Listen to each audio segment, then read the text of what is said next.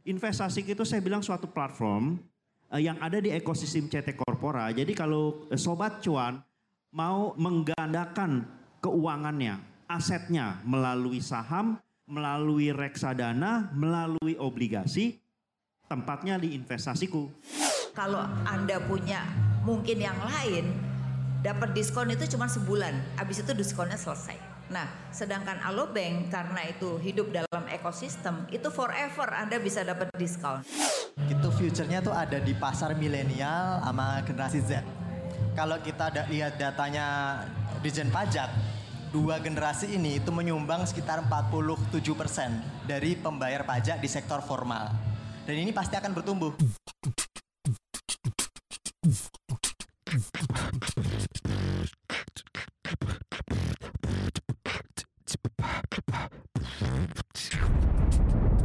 Cuap-cuap cuan. Hai Sobat Cuan.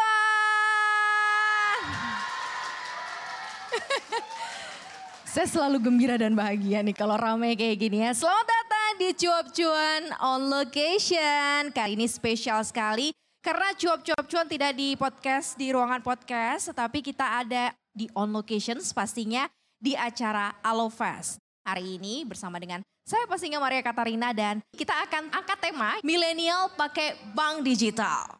Oke, nggak usah lama-lama karena kita akan uh, mendatangkan narasumber expert-expert yang pastinya asik banget untuk diajak share dan kasih informasi dan juga data dan fakta ya.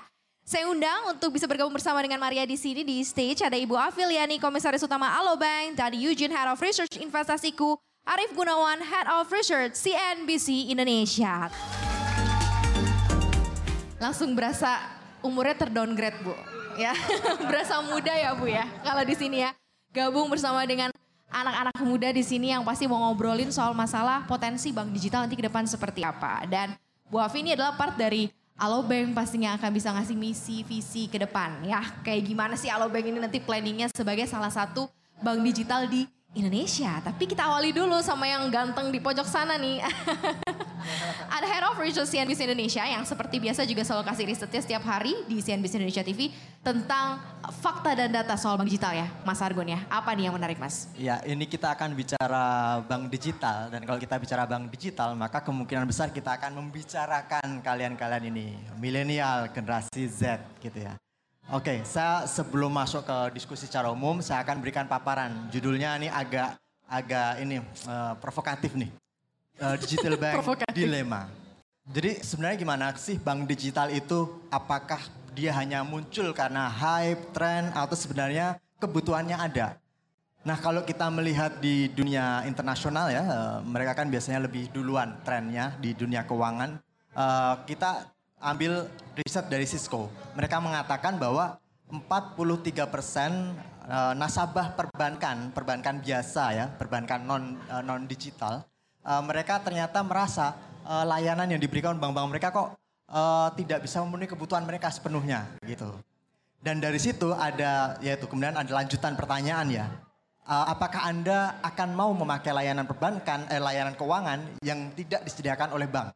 Dan mereka menyatakan nggak masalah nggak harus bank. Yang penting saya perlu misalnya investasi, perlu transaksi dengan mudah, itu bisa saya dapatkan. Nah 80% mengatakan mereka nggak masalah uh, ambil layanan non bank jika itu memenuhi kebutuhan keuangan mereka.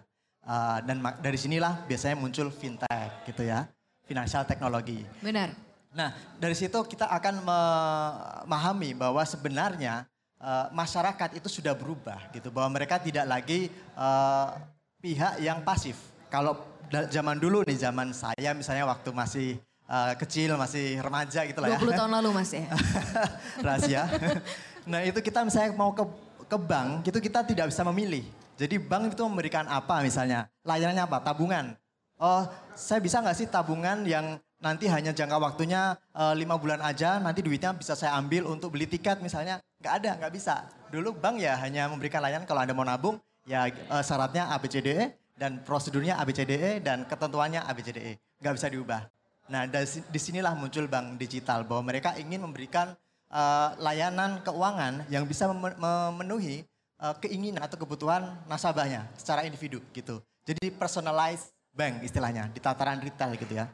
di Indonesia bagaimana pertumbuhannya? Kalau tadi bisa bicara data gitu ya, layanan keuangan perbankan digital ini kita bicara soal uh, layanan keuangan yang disediakan oleh Alobank, kemudian juga layanan uh, apa namanya internet banking gitu ya. Itu transaksinya sudah berapa itu? 49.734 Ya. triliun itu pada tahun 2022 dan itu sudah meningkat nyaris dua kali lipat dari apa namanya eh, 2017 yang 2017 17 atau 2018 tadi ketika riset Cisco muncul gitu bahwa mereka memetakan akan ada perubahan dan itu ternyata terbukti di Indonesia sudah berjalan gitu ya banyak orang yang memilih layanan keuangan perbankan digital gitu Eh, saya pikir kita langsung akan bicara soal dilemanya nah kesulitan atau tantangan kita menggarap eh, pasar digital adalah yang akan digarap eh, konsumennya itu kebanyakan kaum milenial. Dan kaum milenial ini berbeda dibandingkan kaum yang sebelumnya, old generation lah ya.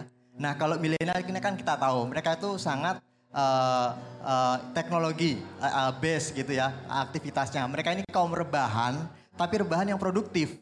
Jadi meskipun rebahan, tapi mereka bisa transaksi, bisa trading, bisa investasi gitu ya. Dan ini membuat mereka menjadi lebih uh, fluid. Artinya apa? Pilihannya banyak.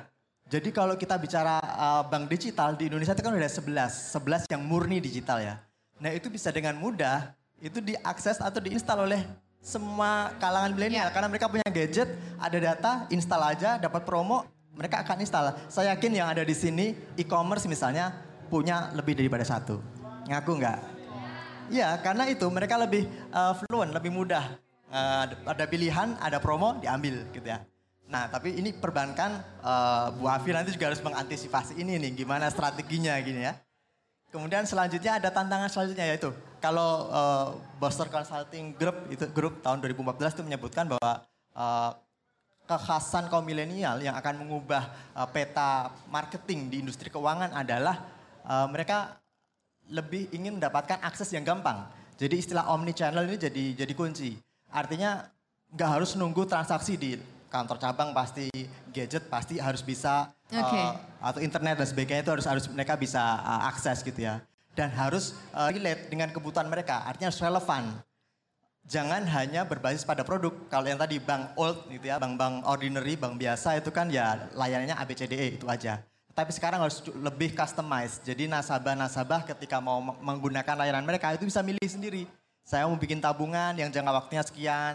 Ya nggak bisa milih bunga sih pastinya. Tapi setidaknya bisa milih berapa uh, tenor menabungnya. Karena kan peruntukannya berbeda-beda. Kemudian satu account bisa bikin beberapa kolom atau ya celengan tabungan gitu Benar, ya. benar, benar, benar, benar. Bisa dua atau tiga. Kalau sekarang kan ya satu account, satu tabungan ibaratnya gitu. Ya. Ya itu yang jadi tantangannya. Kemudian yang terakhir mungkin kita harus lebih fokus pada membuat mereka lebih loyal. Karena kalau kita bicara nge-grab milenial gampang kok. Tadi itu akuisisi. Ya kasih promo mereka mau gitu. Iya. Tetapi tantangannya adalah retensinya, mempertahankannya bagaimana gitu. Karena kalau memberikan promo terus ya bakar duit gitu ya. Sampai kapan?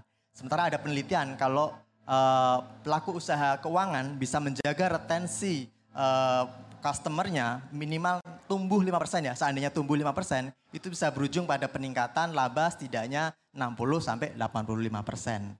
Jadi retensi ini penting, jangan hanya promo-promo, tapi bagaimana agar teman-teman yang sudah install eh, eh, bank digital itu bisa memanfaatkan layanan yang ada di situ, bisa Ya. terus menggunakannya. Saya pikir itu saja nanti kita lanjut pada diskusi. Diskusi ya, karena memang Iya. loyal customernya kan milenial begitu ya. Walaupun tadi kalau berdasarkan uh, kelas umur sih usia 50 sampai 65 tahun juga ternyata sekarang sudah paham juga dengan bank digital. Kalau tadi diambil uh, dari Mas Argun bilang ya itu uh, untuk memaintain loyalitas karena kan bank digital tinggal install uninstall aja ya Bu ya sebenarnya. Tantangannya gitu kan. Ada nggak butuh ya uninstall aja gitu. Semudah itu. Nah memang untuk menjaga uh, retensi tadi ya mentionnya. Nah next nih langsung nih ya Sobat Cuan di sini maupun yang ada di rumah. Kalau tadi dari Mas Argun, Mas Arief Gunawan sekarang langsung ke Badani nih kayaknya. Karena ada peran investasiku. Thank you investasiku ya udah support juga nih diskusi jawab cuan nih hari ini ya. Apa nih yang dibawa informasi apa nih yang dibawa sama Pak nih? Ah, selamat pagi eh, Ya. teman-teman di sini juga teman-teman Sobat yang cuan, hadir. Pak. Sobat cuan ya. Pencari cuan soalnya Pak. Nah mungkin kalau eh, sobat cuan lihat di situ ada CNBC, ada Alobank, ada Yes. investasiku, Lalu Yes. kalau lihat ke depan ada Transfood, saya nggak tahu apakah Wendy's ada, Kayaknya Coffee, ada, Pak. Be- eh, Coffee Bean, Iya, iya. ada lalu ada apa eh, Transmart. Nah, tadi sebenarnya kenapa sih ada ada semua logo-logo itu di sini? Tadi sebenarnya pertanyaan eh, pernyataan apa penyataan yang benar ya sebenarnya? Pernyataan. Pernyataan Mas eh, Mas Arif. Mas ya? Argun, Mas Arif. Argun. Nah, tadi dia bilang gini, apa sih yang bisa membuat retensi? Apa sih yang membuat eh, saya saya ngomongnya eh, customer ya eh, atau seseorang itu loyal dengan satu eh, e-commerce atau e-banking. Nah, sebenarnya ini jawabannya satu tadi, logo-logo inilah jawabannya. Nah, sekarang gini, kebayang kalau kalau sobat cuan mau belanja pakai satu aplikasi, lalu mau bayar pak ganti aplikasi lain. Terus mau cari berita-berita satu aplikasi, mau eh, trading aplikasi lain. Nah, itu kan eh, mesti download berapa banyak.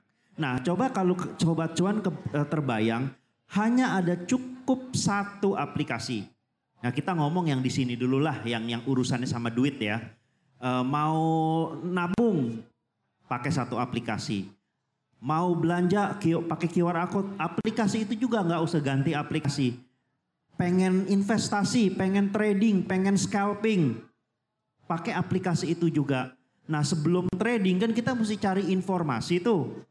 Pakai aplikasi itu juga. Nah itulah yang menjadi kekuatan dari ekosistemnya CT Corpora, ekosistemnya Alobank yang di mana saat ini di tempat kita aja ini ada tiga nih, tiga, tiga unit bisnis yang bersatu.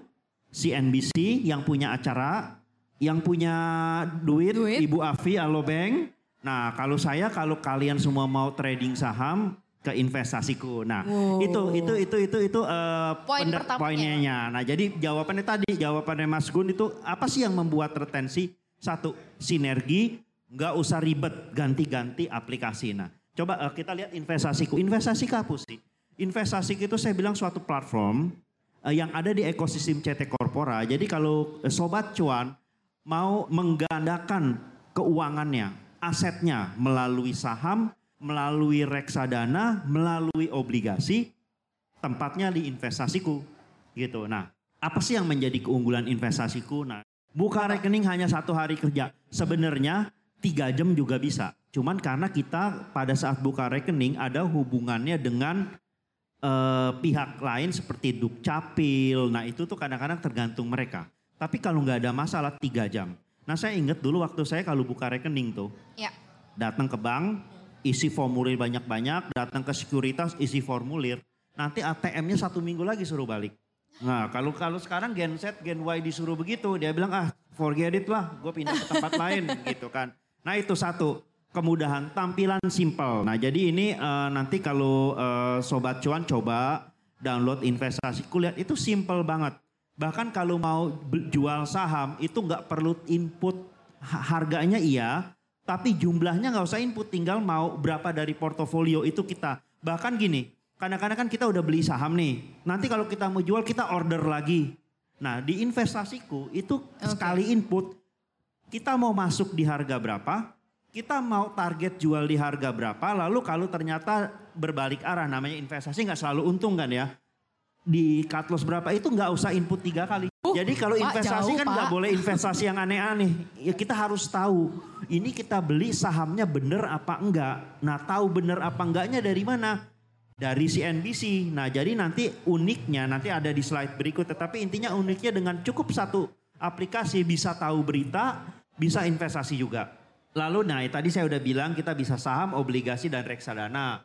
Trading ideas. Nah tadi kalau Sobat Cuan lihat jam 8.30 itu kita setiap hari ada IG live gitu. Jadi nanti Sobat Cuan mulai mulai hari Senin coba aja masuk ke Instagramnya investasiku. Nah itu setiap hari ada ide-ide trading yang tentunya data disupport oleh CNBC gitu.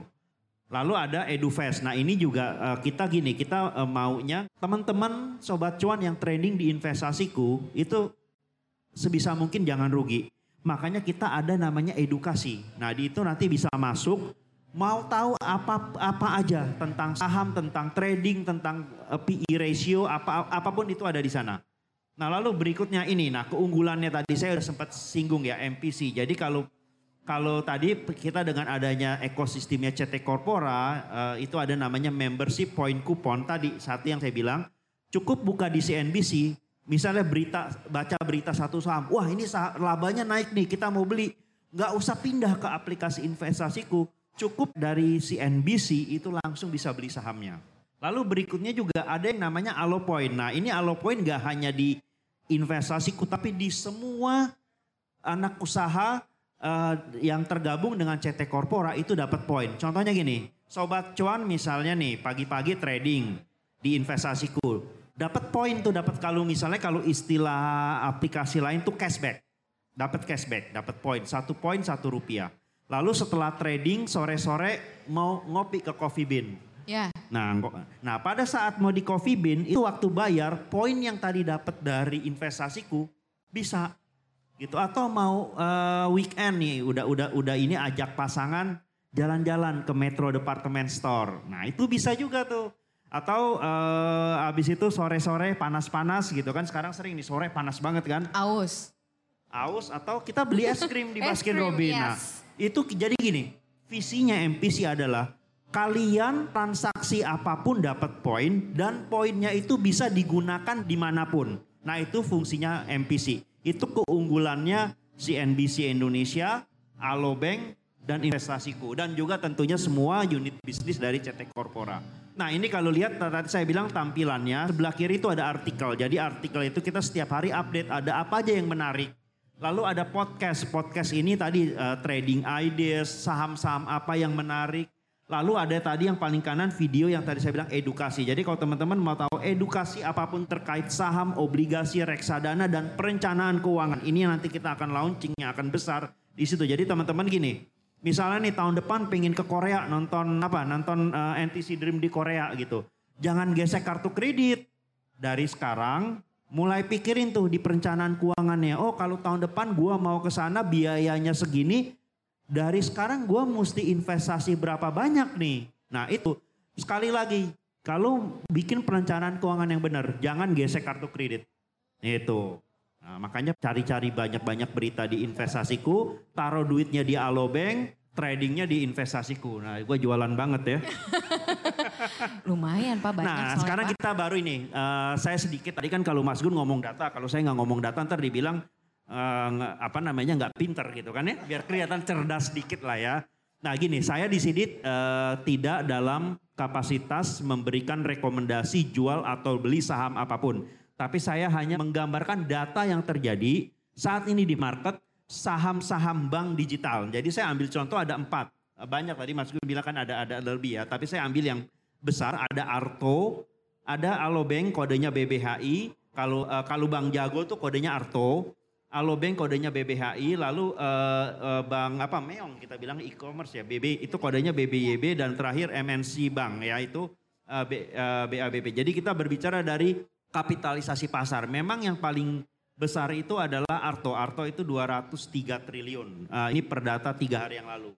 Lalu eh, Alobank sendiri mengejar di 125 dan seterusnya dan seterusnya. Jadi kalau kita kapitalisasi pasar, ini Alobank ada nomor dua nih.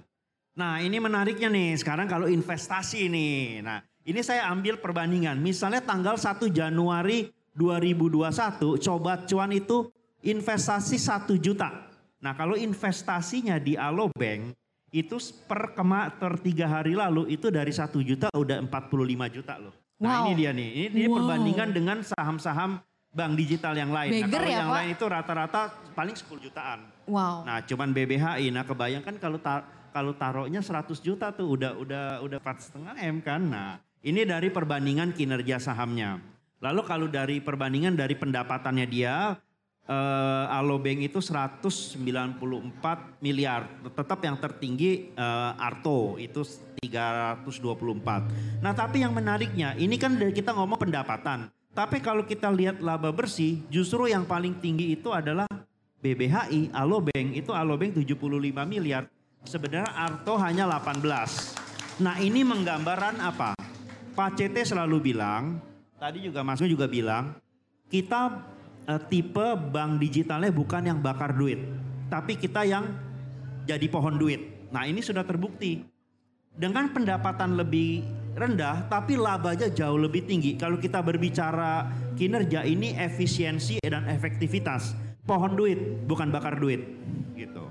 Lalu nah ini kalau kita berbicara ini valuasi. Nah memang eh, BBHI itu valuasinya paling tinggi. Nah ini kalau ibarat mobil gini, ya tentunya kalau kita bilang kita bandingkan BMW sama Toyota ya pasti mahalan BMW. Kenapa? Kualitas ya tentunya sama juga. Tadi kita berbicara alobank, kita berbicara pohon duit, kita bukan berbicara bakar duit. Nah tentunya kalau kita berbicara pohon duit, kita harus berbicara harganya harus harusnya mahal. Nah, mungkin uh, dari saya seki, uh, itu sedikit paparan tadi uh, tentang ini kerjasama tiga logo ini, lalu secara singkat tentang bank digital di pasar modal Indonesia. Keren banget, tepuk tangan dong buat Pak Dani Eugene dan juga Mas Arief Gunawan yang sudah memberikan pemaparan sekaligus juga gambaran ya. Di sini kita sama-sama belajar ya Sobat Cuan. Dan ini pasti untuk masa depannya para milenial nih yang mungkin nanti pensiunnya masih 30-35 tahun lagi apa yang harus disiapkan hadirnya Alobank investasiku udah pasti CNBC Indonesia kolaps nih kita kolab bareng untuk bisa menghasilkan informasi yang juga mumpuni. Nah Bu Afi sekarang harus menjawab kenapa Alobank Bu Afi? Kenapa Alobank harus menjadi wishlist uh, yang Sobat Cuan nih? Oke. Jadi gini uh, sahabat cuan ya. Jadi di dalam hidup itu orang itu ada tahapannya ya. Tahapan pertama orang itu uh, hidup ya mencari uang untuk makan gitu. Kemudian orang sudah bicara tentang kepunya kelebihan uang, menempatkan uangnya di bank dari sisi pendanaan ya. Setelah itu setelah punya uang, orang buat apa? Setelah belanja sudah cukup, menabung ya dan investasi pastinya. Jadi Alobank ini menawarkan dari sahabat cuan itu naruh uang, investasi, tadi ada investasiku. Dan yang ketiga nih yang paling penting yaitu hidup sehari-hari dimudahkan dengan uh, ada pay letter ya. Kemudian juga Anda bisa membeli apa pun di grup daripada Alobank. Jadi Alobank ini punya eh, anak-anak uh, perusahaan ya. Jadi CT Corp itu punya anak perusahaan yang banyak dan anak-anak perusahaan ini adalah semuanya untuk kebutuhan hidup kita semua gitu. Nah, apa keuntungannya? Keuntungannya tentu saja kalau Anda punya mungkin yang lain dapat diskon itu cuma sebulan, habis itu diskonnya selesai. Nah, sedangkan Alobank karena itu hidup dalam ekosistem, itu forever Anda bisa dapat diskon gitu. Nah, jadi keuntungannya adalah tidak sesaat. Karena kalau keuntungan sesaat yang kalau kita lihat ya, kebanyakan orang setelah nggak ada untungnya, ya udah ditutup gitu. Nah, kita berharap di Alobank ini adalah memberikan uh, manfaat buat uh, sahabat cuan ya.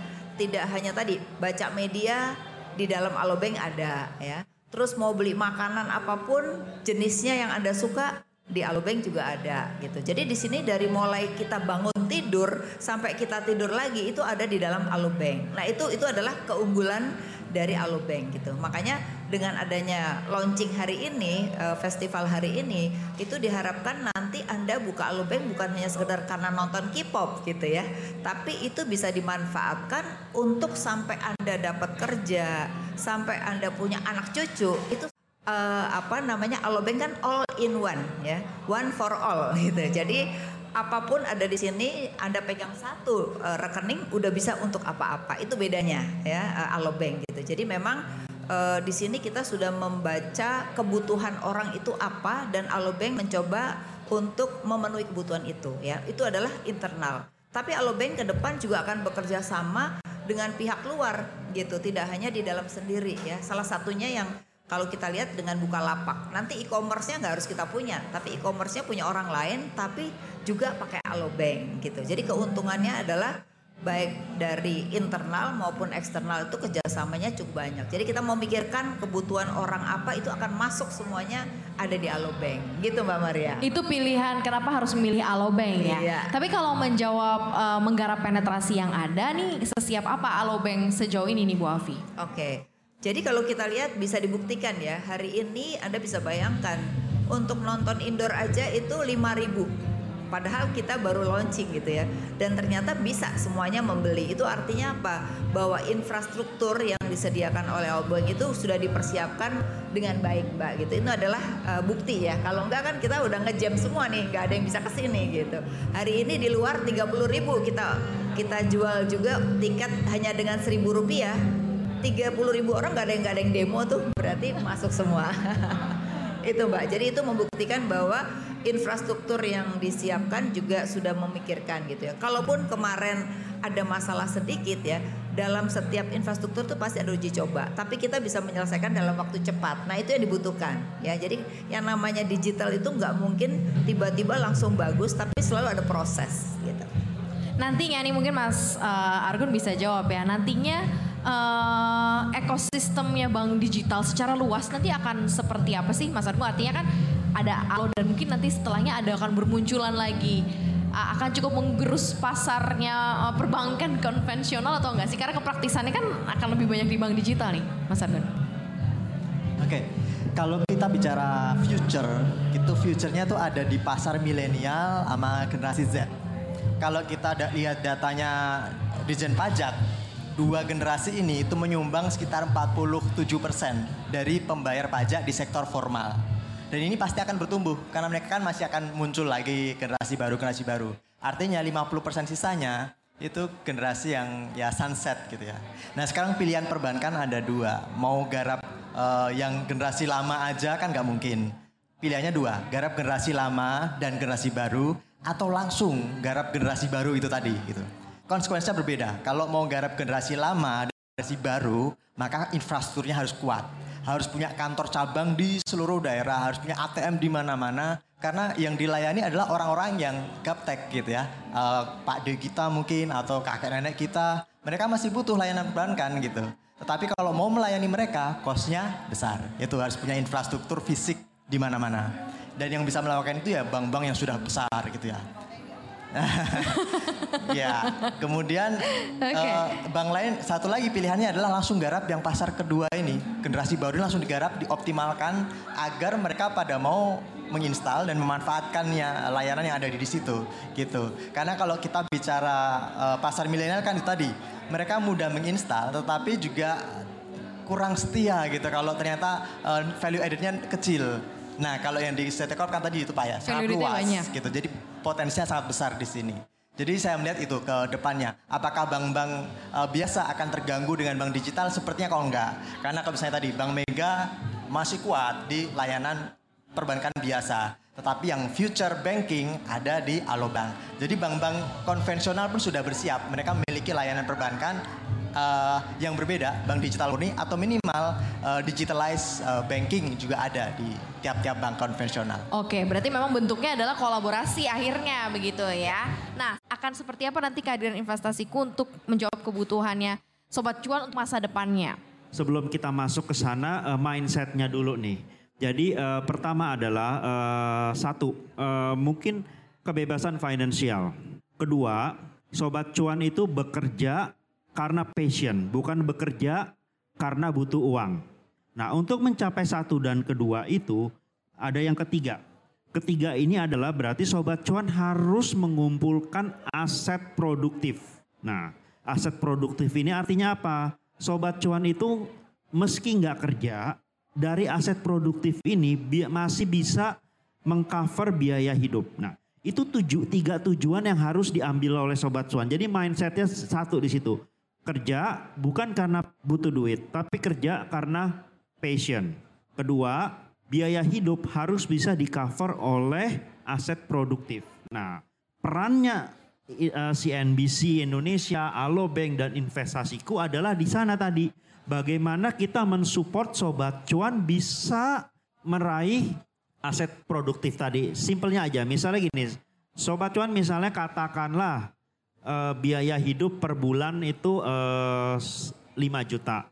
Butuh aset produktif berapa supaya aman? Nah, misalnya kita uh, kita kita kalau kita di saham lah, di saham rata-rata berapa sih setahun itu uh, historical ya dari awal IHSG ada itu sekitar 12-13 persen. Kita ambil pukul rata uh, 10 persen aja. Berarti kalau biaya hidup uh, dengan eh, 5 juta, berarti eh, tinggal dikali aja tuh misalnya berarti butuhnya sekitar 100 juta, ya kan, sebulan. Nah itu.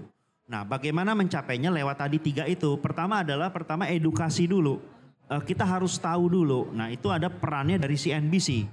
Nah setelah itu setelah kita tahu eh, untuk menampung biaya hidup tadi taruh duitnya di mana? Di Alobank. Ya kan bisa bisa bisa bisa bisa beli baju di Metro Department Store, bisa ke Wendy's, bisa macam-macam, bisa ke Transmart. Nah, untuk mengembangkannya itu adanya di investasiku. Di investasiku itu kalau yang suka saham trading langsung masuk saham. Tapi kalau ah gua nggak mau pusing lah, biarin suruh orang yang mikirin duit gua. Reksadana atau kalau misalnya gini, kadang-kadang kan kalau misalnya eh, saham lagi kurang bagus, reksadana kurang bagus, biasanya berkorelasi terbalik dengan obligasi. Simpen di obligasi, yieldnya lumayan obligasi. Nah, jadi itulah kalau saya lihat sekarang perannya apa ketiga hal ini yang saya lihat satu. Tiga kita ini mensupport bagaimana Sobat Cuan bisa mencapai kebebasan finansial dengan memperoleh aset produktif yang bisa mengcover biaya hidup. Iya bener banget ya. Jadi itu udah mulai dikasih pencerahannya ya. Bahwa ke mana sih kalau mau cari saham-saham atau mungkin informasi investasi ya ada di investasiku yang ternyata juga correlatednya juga sama Alobank sama CNBC Indonesia ya. Tapi udah ada eh, kabar-kabarnya kapan gak sih Pak? Ini akan launching Pak investasiku Pak? Investasiku kita udah launching ya. Sebenarnya kita udah soft launching dari Januari. Nah sekarang ini kita eh, hampir grand launching lah. Kenapa saya bilang hampir? Karena sekarang fitur yang kita ada dari tadi ada saham, obligasi, reksadana dan perencanaan keuangan itu kita sahamnya udah full. Obligasi akhir bu- eh, akhir bulan ini atau paling lambat awal bulan depan. Nextnya itu adalah reksadana dan terakhir kita target kita sebelum akhir tahun itu perencanaan keuangan. Nah kalau tadi kan kita ngitungnya tuh masing-masing sendiri. Nanti kalau fitur perencanaan keuangan kita udah ada, itu nggak usah capek-capek tuh. Tadi kan mesti hitung biaya hidup 5 juta, gua mesti punya berapa nanti tinggal klak klik klak klik klak klik beret Udah ngitungin ya Pak? muncul udah begitu ngapain nih kita untuk mencapai itu? Otomatis juga oh nanti kalian itu yang di saham berapa yang di obligasi berapa yang di eh, reksadana berapa reksadananya pun apa reksadananya nah, lalu nanti yang ditaruh di tempatnya Mbak Afi berapa ya gitu kan. Nah itu ada otomatis ada semua di situ. Dimudahkan ya dihitungin lagi ya. Karena ini penting banget eh, sobat cuan mungkin untuk mulai menata lagi keuangannya seperti apa.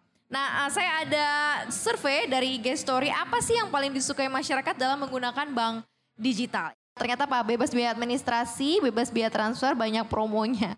Oke, semuanya yang bebas-bebas ya, bebas biaya.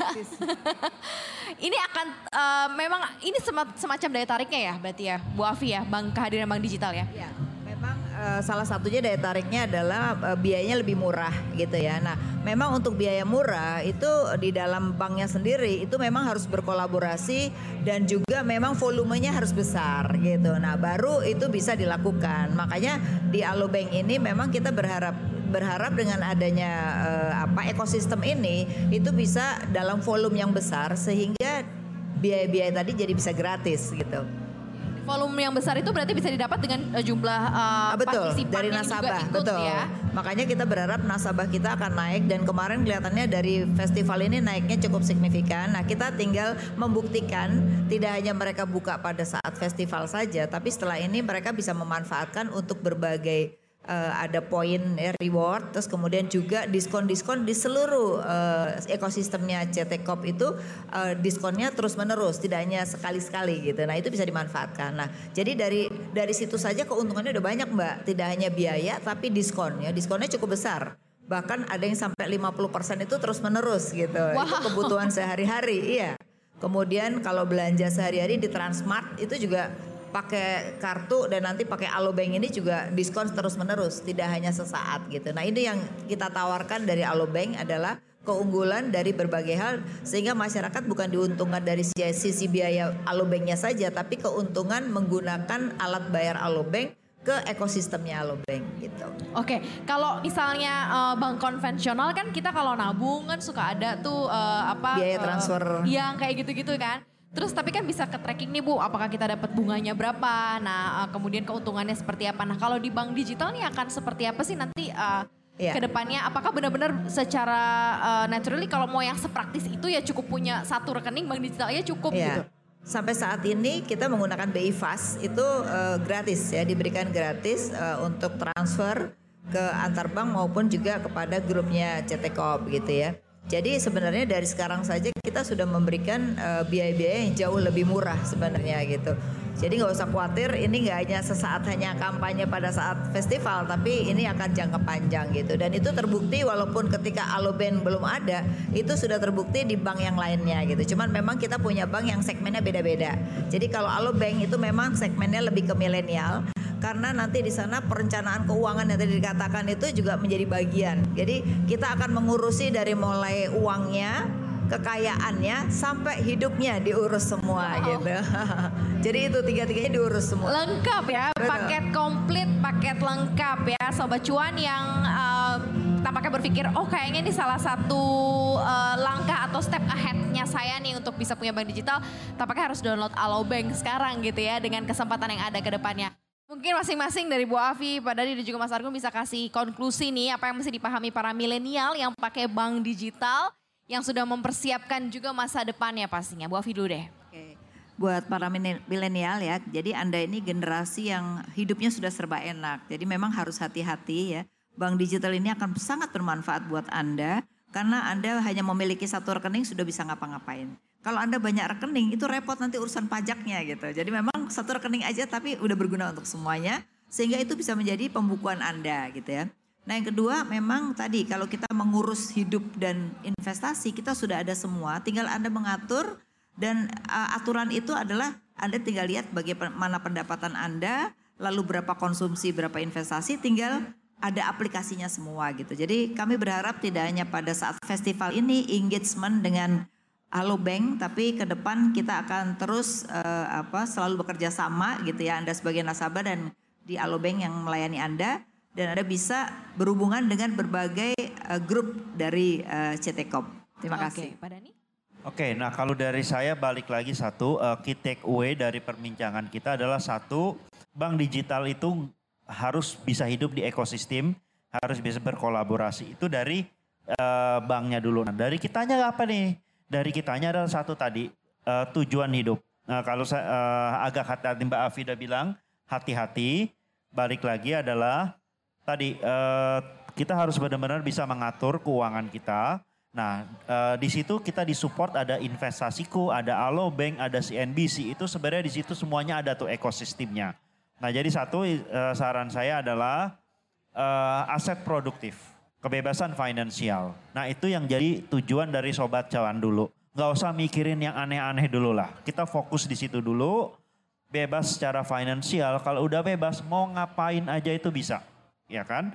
Nah, untuk mencapai itu, di sinilah ada Maria dan Mas Gun dari CNBC mensupport berita, mau trading bisa, Mbak Afi dari eh, banknya dari Alobank dan eh, saya dari investasiku dari investasi. Kita bertiga ini mensupport Sobat Cuan untuk mencapai kebebasan finansial tersebut. Mas Argun. Jadi eh, Sobat Cuan harus paham bahwa bank digital bedanya apa sih sama bank konvensional secara umum adalah ini personalized bank. Kalau dulu di bank-bank secara umum itu ya, teman-teman atau Sobat Cuan baru bisa dapat layanan khusus itu kalau rekeningnya satu miliar misalnya. Ada istilahnya private banking. Kalau mau nabung dijemput gitu kan, kita nggak perlu ngantri di AT, ngantri di teller misalnya. Nah itu semua sekarang sudah bisa dinikmati oleh eh, Sobat Cuan semua dengan eh, layanan digital bank. Artinya Sobat Cuan nggak perlu ngantri juga di teller, nggak perlu eh, apa ya mendapat layanan yang yang menjemukan misalnya. Tapi ya dengan interaktif gadget sudah bisa. Tetapi apakah kehilangan eh, keunggulan layanan bank eh, yang konvensional enggak juga? ATM masih bisa Bu ya, layanan ATM masih bisa gitu. Nah itulah keunggulan eh, bank digital saat ini. Dan menurut saya bank digital ini akan prospektif seandainya tadi itu didukung oleh eh, komunitas yang kuat atau ekosistem yang yang kuat. Karena eh, ini adalah banking as a service istilahnya. Jadi bank yang bisa digunakan untuk apa pun. Karena itu dia menjadi pilihan milenial.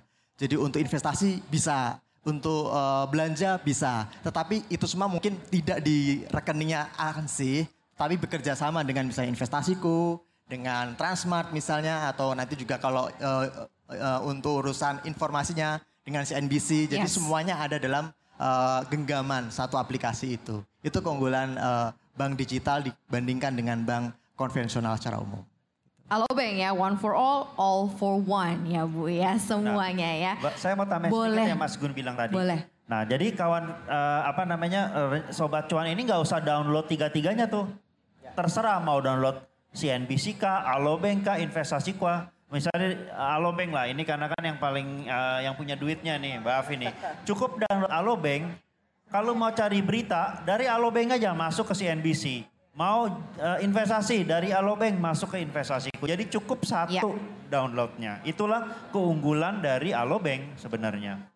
Gitu ya, itu langsung di note sama Pak Dani Eugene ya. Terima kasih Bu Afi, Pak Dani, Mas Argun, dan buat Sobat Cuan kalian keren banget semuanya. Terima kasih. Dan jangan lupa juga untuk teman-teman supaya lebih kenal, lebih dekat dengan juga konten-konten cuap-cuap cuan. Bisa dengerin kita di Spotify, Apple Podcast, Google Podcast, dan juga Anchor. Follow akun Instagram cuap cuan di @cuap underscore cuan dan subscribe YouTube channel kita di cuap cuap cuan. Jangan lupa semua podcast cuap cuan juga tayang di CNBC Indonesia TV. Terima kasih. Kita yang ada di sini pamit. CNBC Indonesia Beyond Business. Bye.